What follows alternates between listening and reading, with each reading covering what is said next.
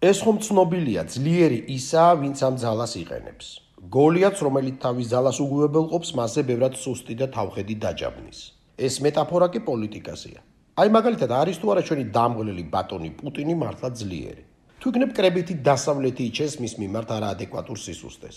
დასავლეთის ჰეგემონი ამერიკა თავისი ჰეგემონიითაა დაკომპლექსებული და ერთგვარ ცივილიზაციურ უწონადობაშია.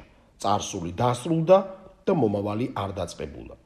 პუტინს კი არც царსული აინტერესებს და არც მომავალი, მხოლოდ აწმყო, სადაც ის მუდმივია. მაგრამ მუდმივი ხომ არაფერია, არც პუტინი მათ შორის. პუტინი არც ევროპაზეა ძლიერი, მაგრამ ევროპაა ეგოცენტრული. ჯერ ხომ 100 წელიც არ გასულა მეორე მსოფლიო ომის დასრულებიდან და მას კი ევროპას თითქოს არაფრით უნდა იმის დაჯერება, რომ ეს ისევ შესაძლებელია. ეს ხომ იყო და ეს ხომ ძალიან ცუდი იყო. რა დროს ესაა? ხო, 1914 და 1939-იც უდრო იყო, მაგრამ ხომ იყო. ჩვენთან არც ოლიგარქია ძლიერი, მაგრამ მისი მრავალგვაროვანი, ერთმანეთთან შეუთანხმებელი და ჭრელი ოპონენტები, ანუ ჩვენ ვართ სუსტები, რადგან ექსკლუზიური სოციალური თუ პოლიტიკური სივრცეებიდან ვიყურებით და როგორც აღმოჩნდა, ხშირად სასურველს ვასაღებთ რეალობად. რეალობა კი მოუხელთებელია. მით უმეტეს იმ პრობლემის გათვალისწინებით, რომ თავარ ღირებულებით ფენომენებზე ვერ შევთანხმებულ ვართ.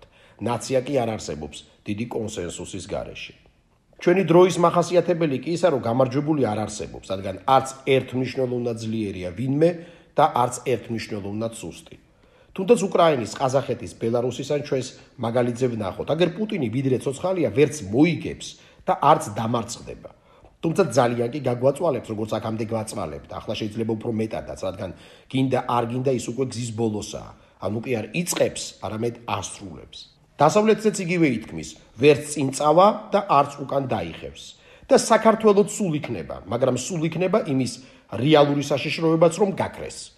როგორც არაერთხელ გამქრალა და მაინც იყო. კოვიდიც გაქრება, მაგრამ ახლებური და ყოვლის მომწველი ეპიდემიები უკვე აღარ ასდროს. ხან რა დაგვეცემა თავზე, ხან რა. თუმცა ვერს ის დაგვამარცხებს ბოლომდე და ვერც ჩვენ მას. რა კი არამკაფიოობის ეპოქაა. და იქნებეს ლოგიკურიცაა. სიკეთემ თავისი სისუსტე უნდა შეიცნოს, ხოლო ბოროტებამ თავისი უაზრობა, რადგან ძალა აბსურდად იქცა და რადგან დღეს ყველა სუსტია.